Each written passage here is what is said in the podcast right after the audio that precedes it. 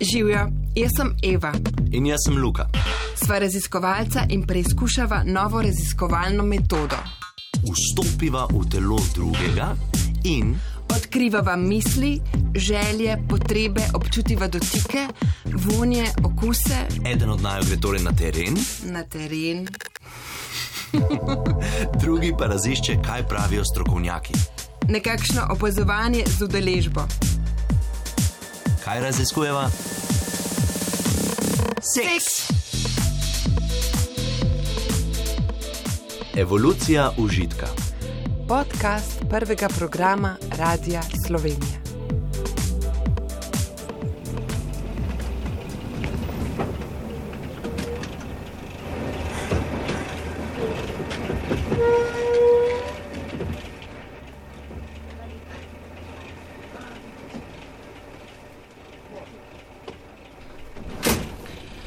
A boš, Ne, hvala, v redu sem. skozi moram nekaj žvečeti, če ne mi je ful slabo. Žiga, naslednjič greva na taksi, dosti imam tega busa. Ja, se bova šla.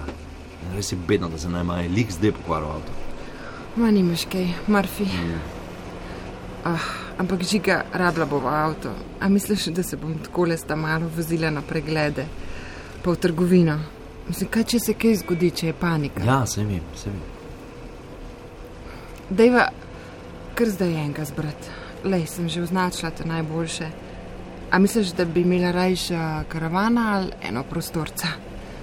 Živo, to je vse predrago, nimava tok. Koliko stara si pa gledala? Štiri leta. Dej, kaj če bi raje enega starejšega, a? Mogoče osem let. Pa se nam bo fotor posodil denar. Ja, še dobro, da imamo tvojega fotra. Daj no, žiga, ne bi zdaj tak. Ma ne, resno mislim, ne hecam se. Vas naj cash dava za najemnino, pa za stroške, pa za hrano. Mislim, še dobro, da smo za stvari za ta malo dobili od moje sestrične. A veš, kaj cache bova imela sam manj, ne bova ga imela več. Ta tvoja porodniška je pač bedna. Pa se veš, da nisem mogla plačevati prispevkov, pol mi ne bi nič ustal. Važen, da sem se zmenila, da lahko pridem pol nazaj. Mislim, upam, da si naj vmes premislili. Ja, to je lepo, da prosim, to, kar pa ti za njih garaš. Pa se ni normalno delati 12 ur na dan, mislim, vse to ti je jasno, ne? Ja, no, E, Moram biti zaposliti. Pred tremi leti si magistrirala, dosti je bilo teh študentskih napotnic, pa avtorskih pogodb, pa ne pa vem, dober. Dej, ne bova zdaj v tem, ok? Ok, prosti. Mene sam skrbi, kako bom pol delala to, kar sem zdaj. Lej, nisem edina, ki v biroju tok dela, sem pa edina, ki je tok nora, da bo imela otroka. Pa dobro, pa se te sam tri mesece ne bo. A veš, koliko mene po stran gledajo v službi? Ja, ni to nekaj, kar so pričakovali, da bom šel na porodniško. Pa če imaš zaposlitev za nedoločen čas, pol imaš tudi polno porodniško, ali kako se že reče, starševski dopust. Dopust, ja. Res, slišiš se, da grem pod palme ležati. Res se bom spočil, mislim, tistem, ki si je to zmislil, dopust, bi dal nagrado. Ej, dokdaj morava to sporočiti na CSD? Kdo bo to koristil? Ma ne vem, da se je neki zakon spremenil, moram poklicati. Ampak mislim, da imamo še čas. Vse me bodo kmaj zaposlili, boš videl. In pol se bova prijavila na razpis za neprofitno stanovanje, ne? Zdaj, ko bova mlada družina, bova zihar zbrala dovolj točk. Kdaj pride ven nov razpis? Mislim, da čez eno leto, ne vem, glik sva zamudila. Uf, Kaj? A si v redu? ja, v redu je. Sam spet mi je utrdil trebuh, potipi, če se trd. A te ful boli? Mm, ne, ne vem, mal pa že. Ma preveč delam. Mi je ginekologinja rekla, da naj počivam, naj se kar uležem, tako, čez dan, večkrat na dan. A res? A to je rekla? Še dobro, da jo ubogaš. Žiga.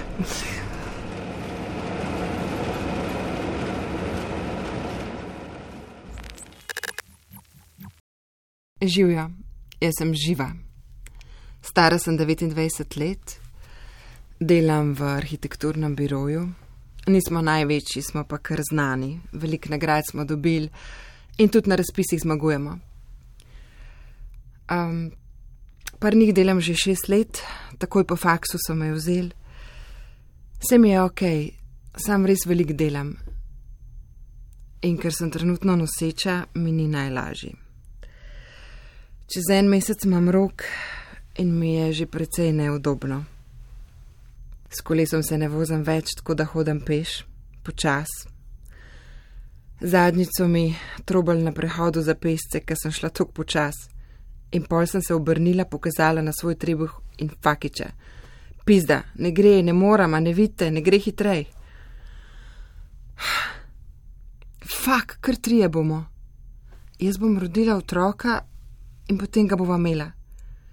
Tako, kar odnesla ga bova domov iz porodnišence in bo najn. Celo življenje sem se mogla učiti delati spite in pisati teste in dokazovati, da zmorem in da sem sposobna, da imam znanje. Ampak otroka pa lahko imaš. Tako, noben ne preveri, če ga boš znal vzgajati. Meni je to čisto noro.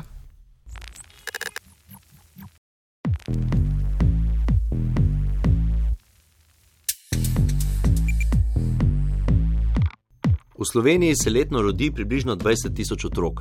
Nosečnost pri nas spremljajo in vodijo ginekologi na primarnem nivoju. Več o tem bo povedala Mojca Grebenc, sem specialistka ginekologije in porodništva, zaposlena na primarnem nivoju. Sicer sem pa tudi kot vodja delovne skupine za pripravo strategije na področju ginekologije in porodništva v sklopu Zdravniške zbornice Slovenije. Torej, koliko pregledov pri svoji ginekologinji ali ginekologu ima ženska med nosečnostjo? Zdaj v Sloveniji imamo letno okoli 20 tisoč porodov, vsaka ambulanta, nekje poprečno, vodi na leto med 150 do 200 nosečnic. Zdaj vsaki nosečnici v okviru njenega osnovnega zdravstvenega zavarovanja v nosečnosti pripada 10 preventivnih pregledov in en poporodni pregled po šestih tednih po porodu, ki pa namenjen naprej o kontracepcijskem svetovanju. Otroka nisva načrtvala, včasih sva uporabljala kondom, včasih ne. Nek dogovor je bil, da ga obdrživa, če slučajno zanosim. Vse sva že dovolj stara, ne? Prav vem, kdaj sem zanosila. Na morju sva bila septembra, na Korčuli, ful je bilo še lepo, raven prav vroče in raven prav folka, nikjer nobenga. Našla sva en krasen zaliv, taki čist drobni beli kamenčki, Vsak dan sva bila tam sama, gola, in tako da sva skozi seksala. No, pa poglejmo na Hrvaško. V Jugoslaviji smo imeli zelo podoben zdravstveni sistem. Vsaki ženski je pripadala ginekološka oskrba na primarni ravni. Dostopnost je bila dobra. Kako pa je danes? Kaj bi doživljala živa, če bi recimo živela na Korčuli? To bo razložila Jaz sem Renata Ivanovič, osnivačica in glavna urednica portala ReciHR. Renata Ivanovič pravi, da je ginekologija na Hrvaškem v katastrofalnem stanju. Konkretno zadnji podaci uh, Hrvatske liječničke komore izbora govore, da nedostaje ukupno 104 ginekologa. Najnovejši podatki Hrvaške zdravniške zbornice in Hrvaškega zdravniškega društva kažejo, da primankujejo 104 ginekologi. Ta številka ne pomeni nič, če tega ne postavimo v kontekst vplivanja na pacijentke. Po ocenah od 250 tisoč do 400 tisoč žensk, odvisno od tega, kakšen starostni razpon vzamemo, nima osebnega ginekologa na primarni ravni. To je velika težava. Konkretno, v zdravstveni mreži imamo velik problem, ker je neenakomerno pokrita. Na določenih področjih Hrvaške imamo velike luknje. V Zagrebu je ta mreža naprimer dobra, lahko rečemo, da je pokritost dobra. Na jugu Hrvaške pa so se v zadnjem času pokazali veliki problemi, nosečnice in otročnice so začele protestirati, pisati peticije, saj je mreža zelo slaba. Vedno rada to prikažem s primerjavo. Tudi vaši poslušalke, poslušalci si bodo laže predstavljali, kaj to pomeni v vsakdanjem življenju. Velik problem so otoki, saj nimajo ginekologov. Najpogosteje so na kopnem, zato morajo noseče ženske na vse preglede na kopno. Pri porodu pa je oddaljenost še večji problem. Kaj konkretno se dogaja? Ženske že mesec pred datumom poroda odidejo v porodnišnico, ki je več 100 km oddaljena od njihovega doma in tam čakajo na porod. Tudi če gre za zdravo nosečnost. Zadnji mesec nosečnosti, ki je za ženske tako zelo pomemben, za pripravo na porod one preživijo v porodnišnici, stran od moža, stran od svoje družine, od doma in čakajo na porod, ker ne morejo roditi nikjer v bližini svojega bivališča. Verjetno imate tudi pri vas take primere, ko ženska rodi na poti v porodnišnico in to odmeva v medijih, naprimer. Rodila je v rešilcu, helikopterju, v taksiju, v vojaškem letalu. Zakaj gre v teh primerih? Gre za to, da so to nujni prevozi žensk z otokov, ki so rodile predčasno. To ni nobena medijska senzacija, ampak gre za slab zdravstveni sistem in slabo dostopnost zdravstvene oskrbe. O jednom ono, lošem zdravstvenom sustavu i dostupnosti eh, skrbi. Ker sem poklicala ginekologinjo, da sem noseča in da bi prišla na pregled, me je naročila šele čez en mesec. Či sem bila šokirana, kako čez en mesec, a kar verjamemo tisti palčki, na katero sem se polulala. Kaj pa če kje narobe, kaj pa če izven maternična nosečnost, ali kaj jaz vem, kaj pa če so dvojčki. Jaz sem mislila, da takoj priješ na vrsto, tako prednostno, da imaš takoj pregled z ultrazvokom. Pa mi je rekla sestra, ne, ne, ne, ne, se niste bolni, gospa, noseči ste. Vse je v redu, se vidimo čez en mesec. A ja, sej fulno kislino jeste, ne? Bo mojca grebenc razložila, koliko pregledov pripada zdravi nosečnici. Vsaki zdravi nosečnici pripadata samo dva ultrazvočna pregleda, Prvi pregled je med 8 in 12 tednom za potrditev nosečnosti, da potrdimo, da je nosečnost res v maternici, potrdimo um, trajanje nosečnosti in določimo datum predvidenega poroda. In naslednja ultrazvočna preiskava med 20 in 24 tednom nosečnosti, ko se pogleda morfologija ploda, se pravi natančni pregled, ali se s plodom vse normalno razvija, normalno raste.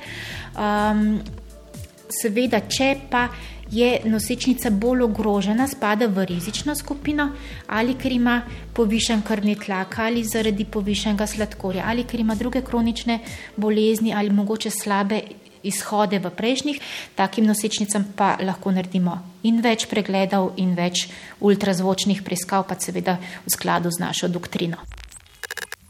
Na prvem pregledu mi je najprej sestra zmerila pritisk, stehtala me je, potem sem šla v ordinacijo. Ginekologinja me je vprašala, kako se počutim, sem povedala, da mi je skozi slabo, ampak da ne bruham.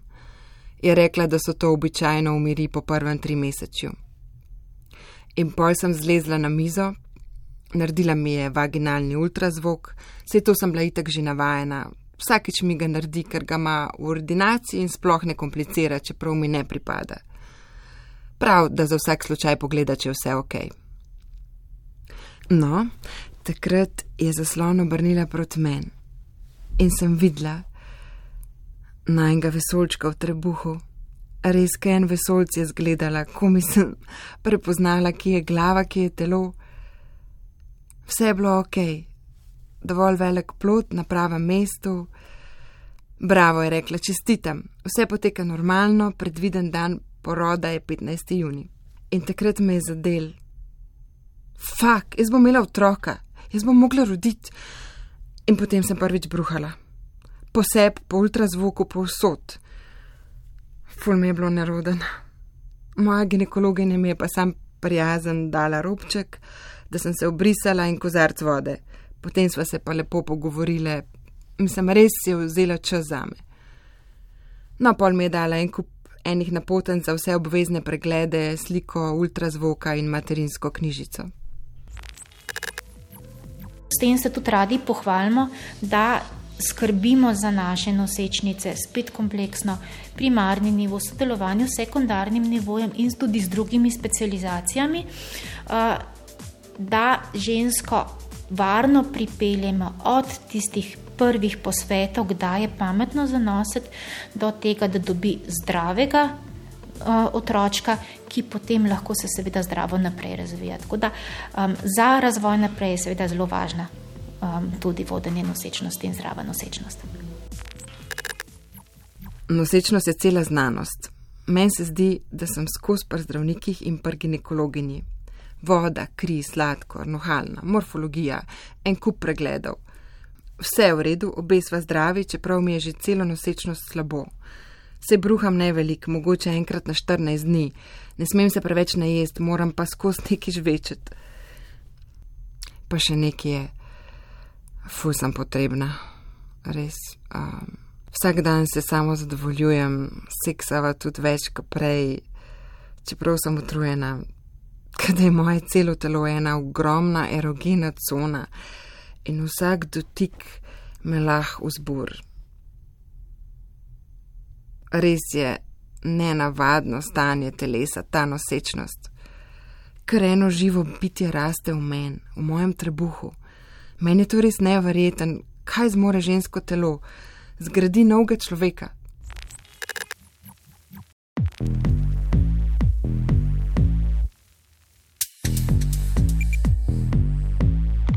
Nizka umrljivost dojenčkov je eden izmed najpomembnejših kazalcev dobrega zdravstvenega varstva prebivalstva. Tako perinatalna kot tudi maternalna umrljivost sta v Sloveniji zelo nizki. Slovenija je država z najnižjo stopno tako perinatalne kot maternalne umrljivosti.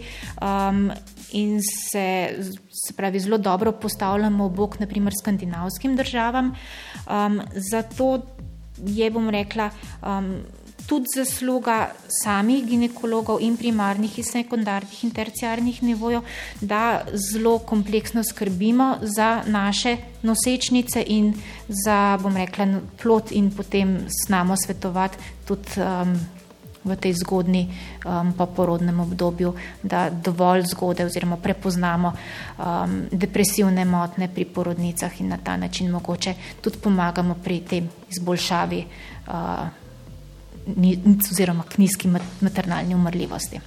Če gre za neke um, take kompleksne spremembe oziroma um, bolezni v sami nosečnosti, ki so vodile do tragičnega dogodka, seveda potem vedno stane neka komisija, ki pregleda, uh, kaj se je dogajalo, kje je bila napaka storjena oziroma kaj je šlo narobe, pa da se iz tega tudi lahko naučimo za naslednji, če se to ne ponovi.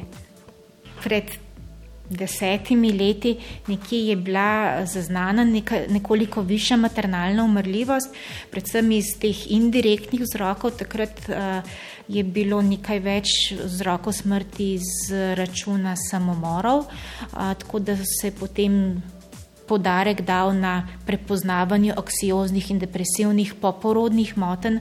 Z vprašalniki se tudi preverjajo nosečnice tekom nosečnosti in tudi potem po porodu, da dovolj zgodaj zaznamo ta odstopanja in smo zmožni dovolj zgodaj pomagati oziroma preprečiti najslabše. Ne vem. Vse v resnici je to nekaj najbolj naravnega, seks, nosečnost, rojevanje, reprodukcija pač. Ampak nekaj naravnega je tudi smrt. Moja babi je iz družine, v kateri je bilo 12 otrok. Štiri otroci so umrli pred tretjim letom starosti zaradi različnih bolezni in nesreč. Mama je pa umrla po porodu njene najmlajše sestre. Stara je bila 38 let. Maternalna smrt pomeni smrt ženske med nosečnostjo ali 42 dni po koncu nosečnosti. Pri nas številka zelo niha. Najnovejša statistika NIAZ od 2015 do 2017 je 5 smrti na 100 tisoč porodov. Na NIAZ pojasnjujejo, da je najpogostejši vzrok maternalne smrti v Sloveniji rak. Največ je torej indirektnih smrti. Smrt ob samem porodu je izredno redka. V Združenih državah Amerike imajo najslabšo statistiko v zahodnem svetu. Leta 2020 je na 100 tisoč živorojenih otrok po podatkih CDC-ja umrlo 23,8 žensk. Med črnkami je stopnja umrljivosti kar 55 žensk. Strokovnjaki ocenjujejo, da gre za posledico sistemskega rasizma v ameriški družbi in medicinski stroki. Ginekologinja in raziskovalka dr. Mateja Kožuh Novak poudarja. Zdrava nosečnica zaradi nosečnosti in poroda ne sme umrti. Uh, zaradi tega je vsaka smrt huda travma, seveda se zgodi. Uh, važno je pa to, da je ginekološka klinika uvedla komisijo za raziskave takih smrti. Ne? In to je treba komisijo za raziskave smrti mater in otrok. Uh, seveda so to prvi naredili skandinavci. Uh, pokaže se nam reč, ne, da, da uh, je redko kdaj smrt posledica samo tistega, kar se je dogajalo tik pred smrtjo. Ne? Da, da določeni eh, dejavniki tveganja to napovedujejo, in zato jih je treba vedeti, poznati, ne? vedeti, eh, misliti na njih, ne? da lahko preprečiš to smrt. In doskrat, zlasti, če ženska roma med enim ginekologom in drugim, ali pa če ne gre ginekologu, ne? eh, se lahko zgodi, da določena informacija do tistega porodničarja sploh ne pride. Ne? Na ultrazvoku morfologije je ginekologinja rekla: Poglejte tale rožica tukaj. No, to so sramne ustnice. Odnegdaj sem si predstavljala, da bom imela hčerko.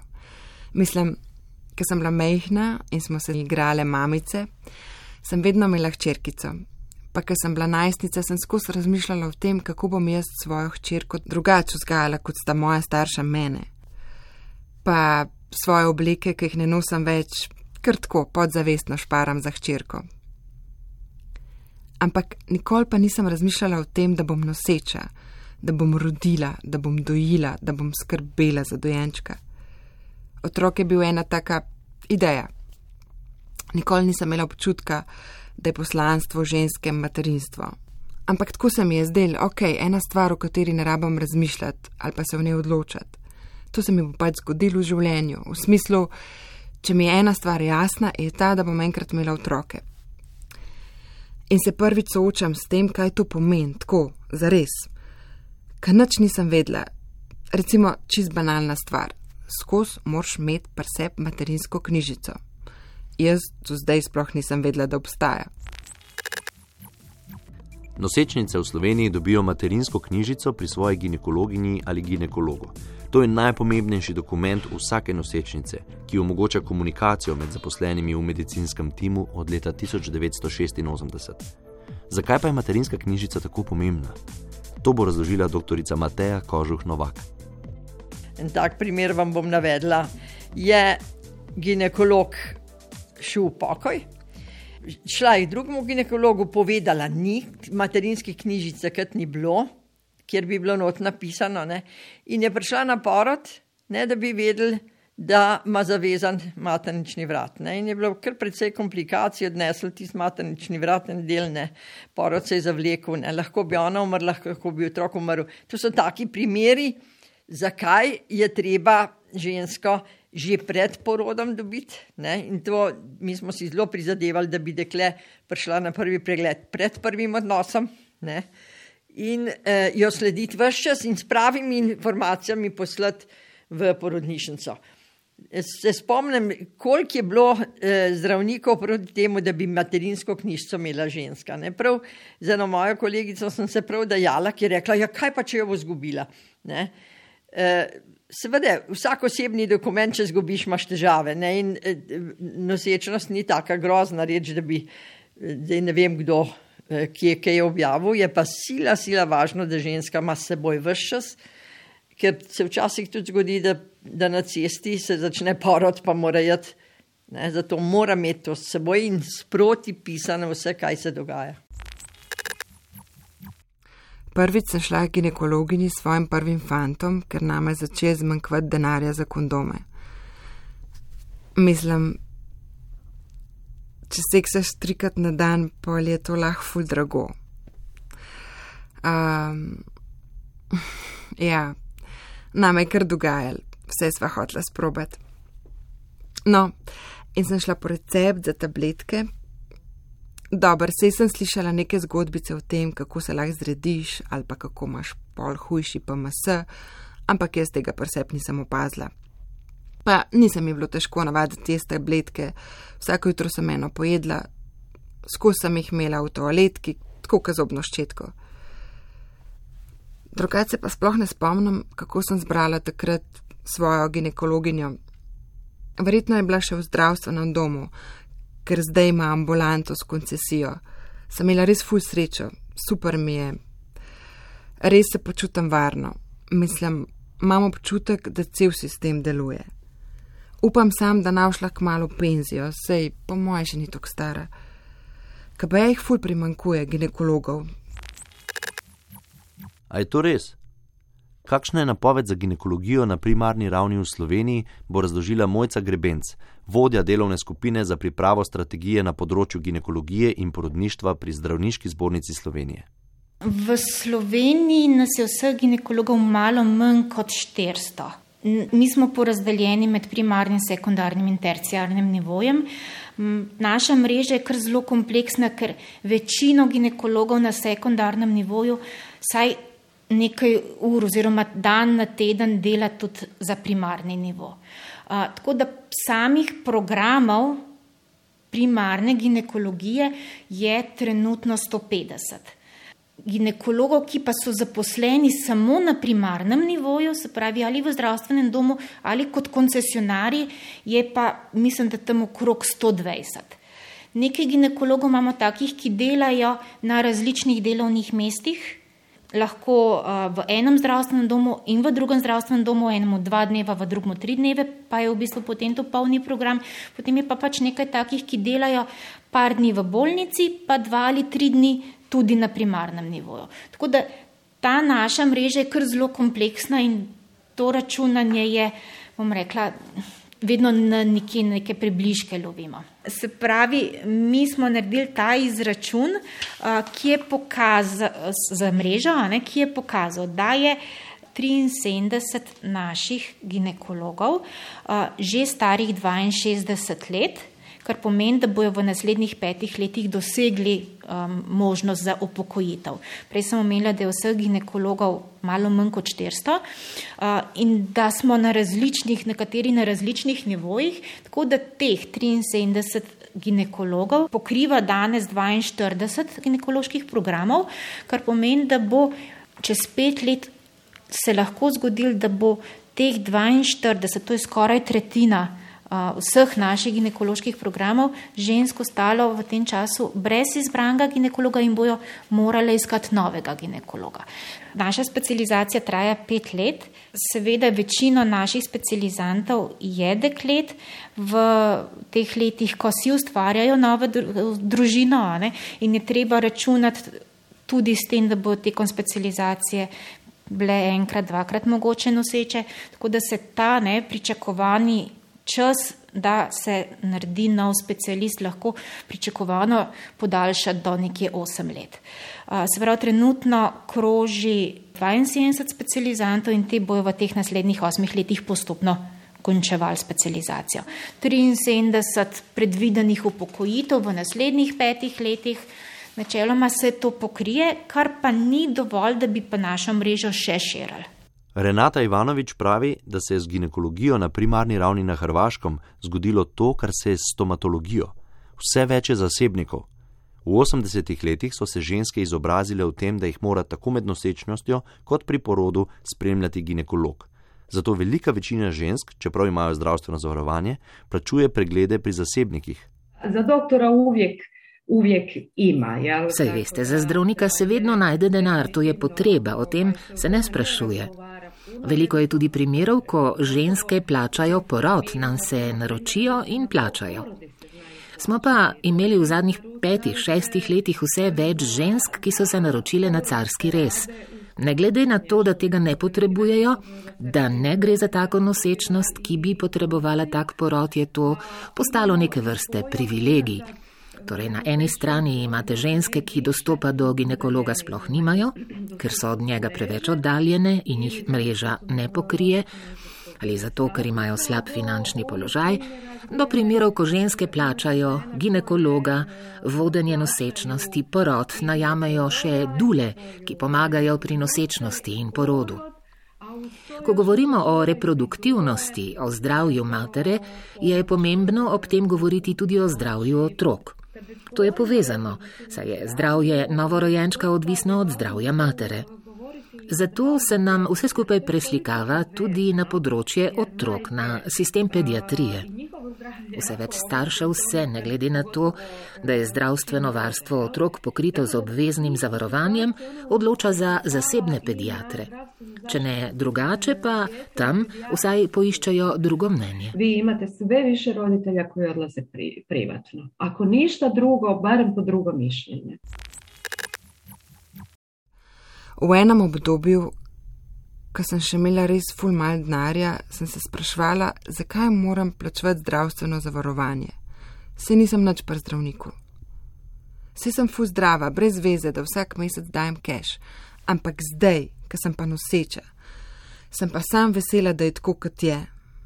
Že ko sem mogla nohalno plačati, mi je bilo res čuden. Tudi v Sloveniji obstaja bojazen, da bi se z ginekologijo zgodilo to, kar se je z zobozdravstvom. Ampak mojca grebenc pomirja, da je za zdaj strah odveč. Zdaj prav čist zasebnih praks ni prav veliko v Sloveniji. To pomeni, da imamo, mislim, da deset ginekologov v celi Sloveniji, ki ima popolnoma zasebno ambulanto, se pravi, da ne deluje v okviru koncesije. Um, Seveda imamo pa številne ginekologe, ki ob svoji normalni praksi delajo izven delovnega časa tudi um, samoplačniške storitve. Koliko je teh, vam ne znam povedati. Um, je pa prav, da imamo te ponudbe, ker mi imamo um, storitve, ki jih priporočamo naprimer nosečnicam priporočamo izvajanje nohalne svetine, pa nohalna svetina razen med 35 in 37 letom ni krita iz osnovnega zavarovanja. Spravi, v tem primeru se ženska more poiskati samo plačniško ambulanto in to samo plačniško um, opraviti. Še nekaj drugih je tudi podobnih primerov, ne, ko svetujemo, da se upravi, pa ni možno drugače kot samo plačniško. Tako da morajo tudi take ambulante biti, da ponujajo samo plačniške storitve. Ker ni ta košarica bila dopolnjena še s temi storitvami. Mogoče v prihodnosti bo, ampak um, tukaj je pač na tem, da se pogodimo za zavarovalnico, kaj lahko spravimo v košarico in kaj ne. Košarica ima pa seveda svojo um, mero, koliko polna je in kaj lahko iz, iz nje dobimo. Pri nas imamo v naši tej košarici zelo velik stvari. Tako da um, tudi zelo kvalitetno lahko vodimo nosečnost uh, in tudi uh, obravnavamo, seveda, kurativne stvari, absolutno, da obravnavamo. Se mi zdi, da ni toliko velik popraševanja po pregledih, ki jih je možno dobiti pri izbranem ginekologu. Seveda je lahko nosečnica, um, ki je dobila pozitiven klerblo in bi rada čim prej videla ta, bom rekla, ultrazvočni izvid, da je res nosečnost v maternici nestrpna in ne more počakati tista dodatna dva tedna do um, pregleda pri svojemu ginekologu in želi to prej opraviti. Ampak tudi naš prvi pregled je postavljen v te tedne, ko je smiselno, da se res vidi, da je plodek razvit, prisoten srček, da lahko rečeš, da se zgodna nosečnost normalno razvija. Upokojena ginekologinja in raziskovalka, dr. Mateja Kožuh Novak, je delovala na Inštitutu za načrtovanje družine in imela pomembno vlogo pri razvoju reproduktivnih pravic žensk. Poleg nje sta imeli vidnejšo vlogo še profesorica dr. Lidija Andolšek Jeras in magistrica Dunja Obrstnel Kveder. Mene je en kolega povabil in rekel: Prid, veš, točno to mi je rekel. Je rekel: Prid delati hmen. Jaz sem takrat že nehala redno, ker sem šla na inštitut za socialno medicino, ampak sem popovdne še delala v Ribenci. Prid, pa boš, jo boš naročila vsake šest mesecev, boš imela denar. In jaz sem se kar zgrozila. Ne. In sem res ene par mesecev delala in sem videla, da sem jaz spremenila odnos, ker sem vedela, da me bo plačala na koncu in se nekaj jog, brate. Ne? In takrat sem se spomnil na Andrija Štampar, je bil znan public health officer. Ne? In on je dal na svoj doktorat leta 23, je 23, meni se zdi, postulatov postavil. In eno teh je bil zdravnik, ne sme biti nikoli direktno odvisen od pacijentovega denarja. In sem sama sebe analizirala, ne, kako nisem znala biti čisto objektivna, ker sem vedela, da bo plačala. Ne. In sem rekla, jog, brate, in sem nehala. Se nekaj, jaz sem pač take sorte, da mi ni denar toliko pomemben. Ne? In čim to naredi ginekolog, ne?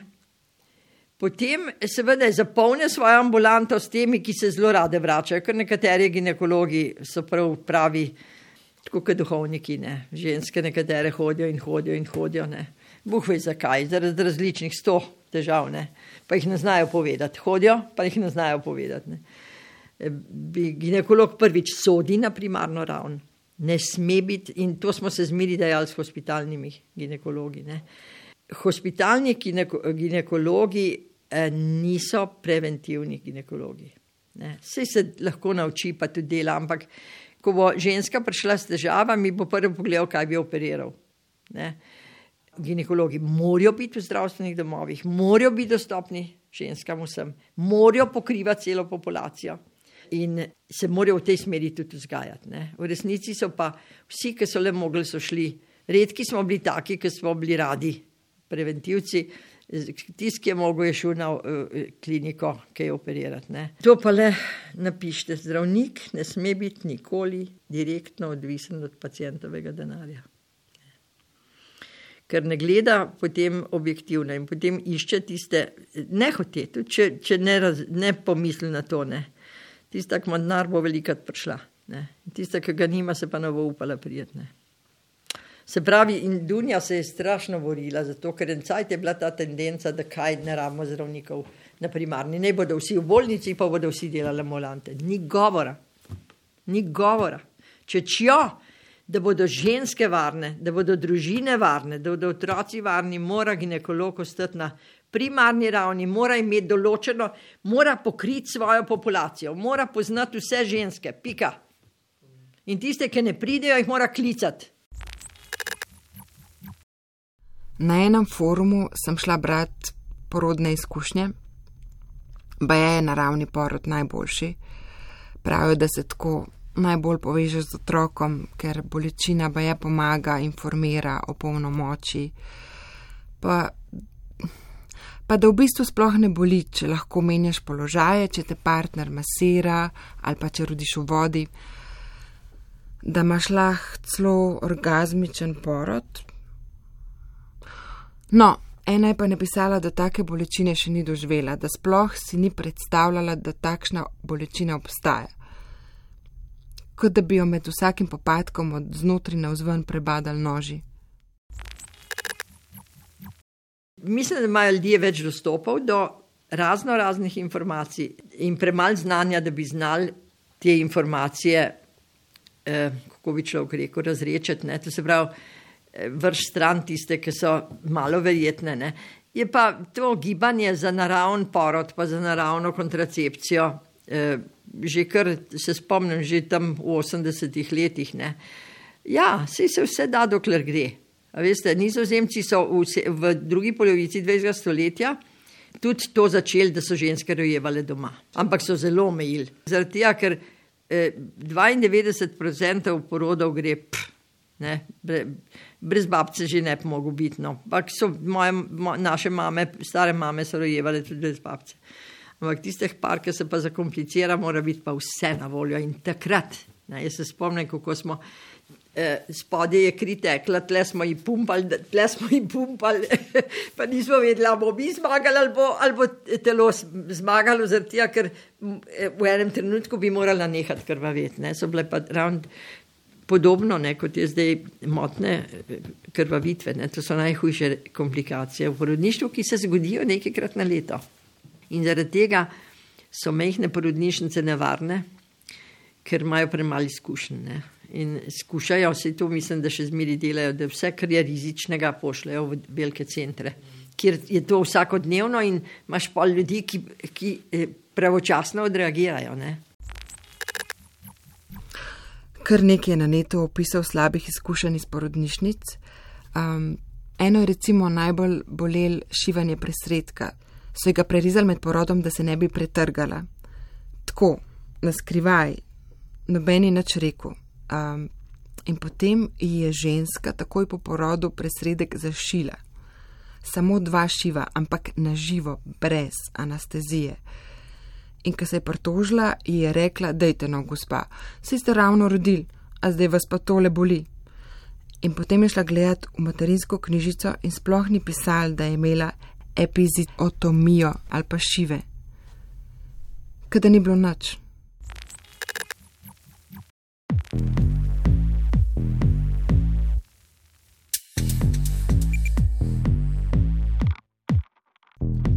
Doktorica Kožuh Novak pravi, da je bila medicina včasih zelo netransparentna.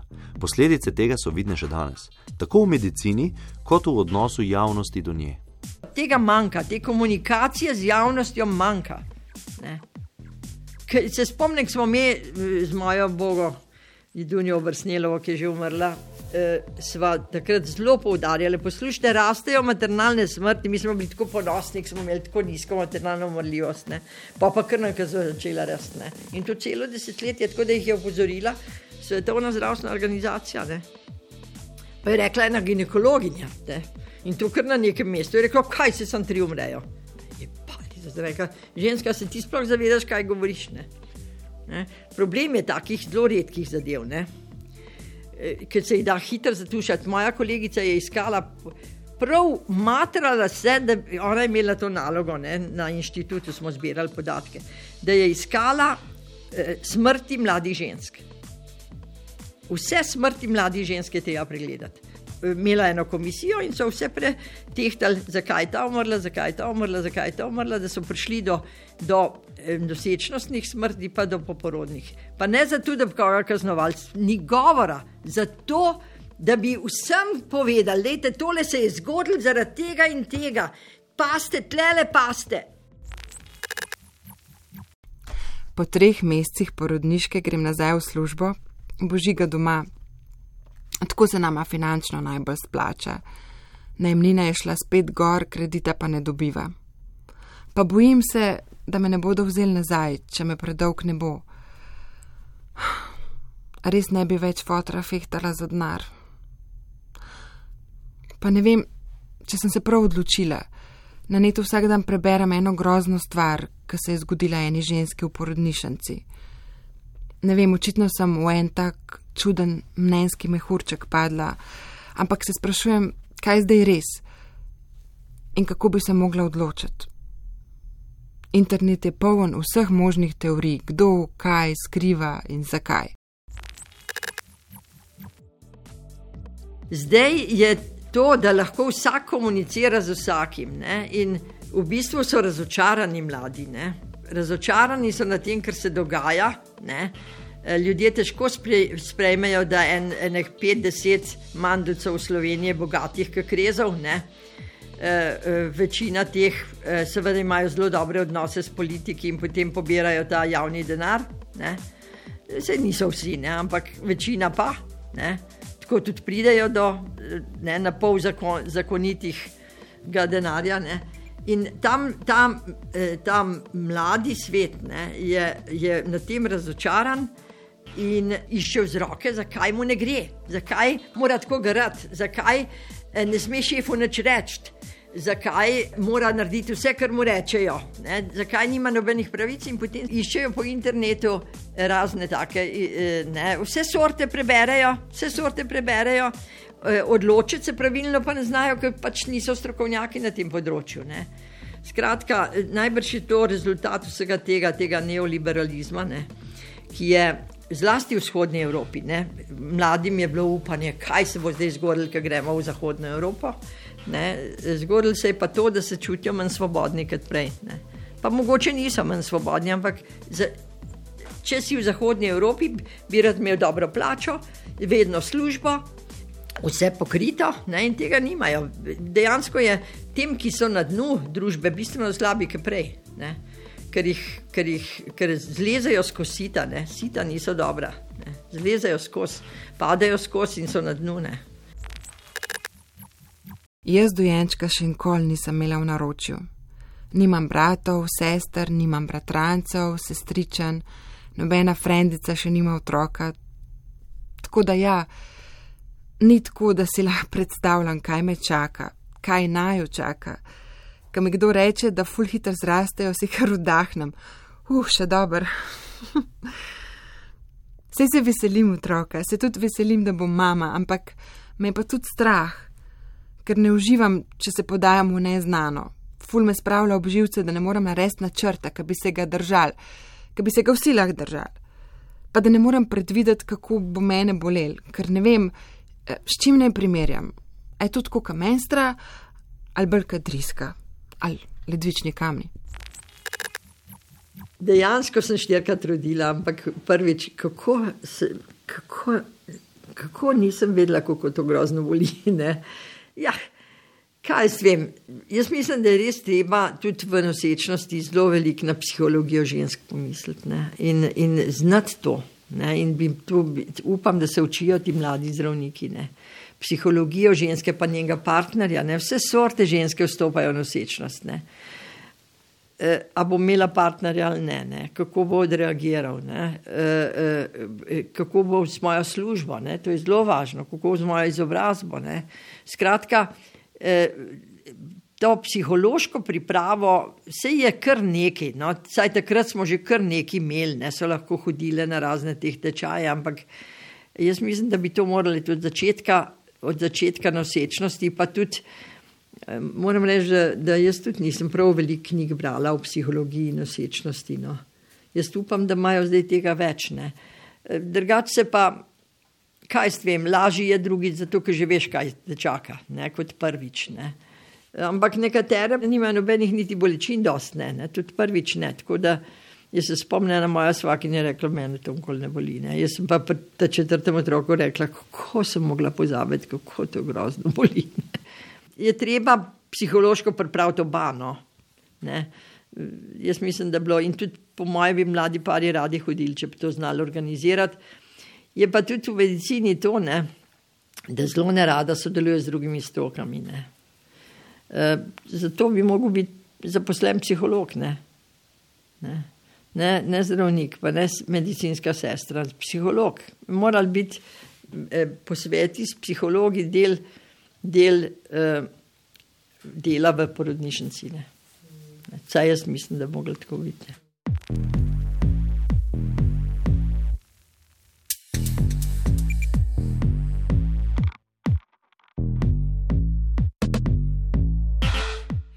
Ej, Luka, to je bilo pa čisto noro. Ja, kaj? Vse veš, kako čutimo vse, kadar gremo na teren, ne? Ja. Čutila sem dojenčka v trebuhu. Ne. Ja, brco je. A res? Oh. Ja, enkrat me je tako prav usramno kost ali kaj, me je fuz zabolel. Res je noro, tako čutiš, da je neki živga v tebi. Meni je to kar znanstvena fantastika. Kako je žensko telo narejeno? Ja. Ja. Je pa tudi super. Um, da imamo pri nas ginekološko varstvo na primarni ravni, da imamo torej osebe z ženskimi spolnimi in reproduktivnimi organi svoje osebne ginekologe in ginekologinje. Eva, kaj pa prihodnič? Kaj bomo raziskovala? Ja, še vedno smo pri spolnih, seksualnih in reproduktivnih pravicah. Ja, itek. Društvo Kvartir je upravilo zanimivo raziskavo o spolnem zdravju in spolnih praksah lezbik, biseksualk, transspolnih in interspolnih oseb v Sloveniji. Ok, super. Na teren pa tako kot vedno, najprej skupaj, potem pa jaz ostanem tipa k strokovnjakinjam in k strokovnjakom. Zmenen. Kam pa greva na teren? Ja, oseba, ki se identificira kot ženska in panseksualka, je že dalj časa v monogamnem odnosu s punco. Odraščala je na podeželju, v verni družini, s tradicionalnimi vrednotami, zato njeno seksualno identiteto težko sprejemajo in razumejo. Aha, panseksualnost. To je ena novejših seksualnih identitet, ne? Mislim, tako je v zadnjem delu druge sezone razložila dr. Nina Perger, ni res? Ja, tako je. Luka, presenečaš. A, 系啊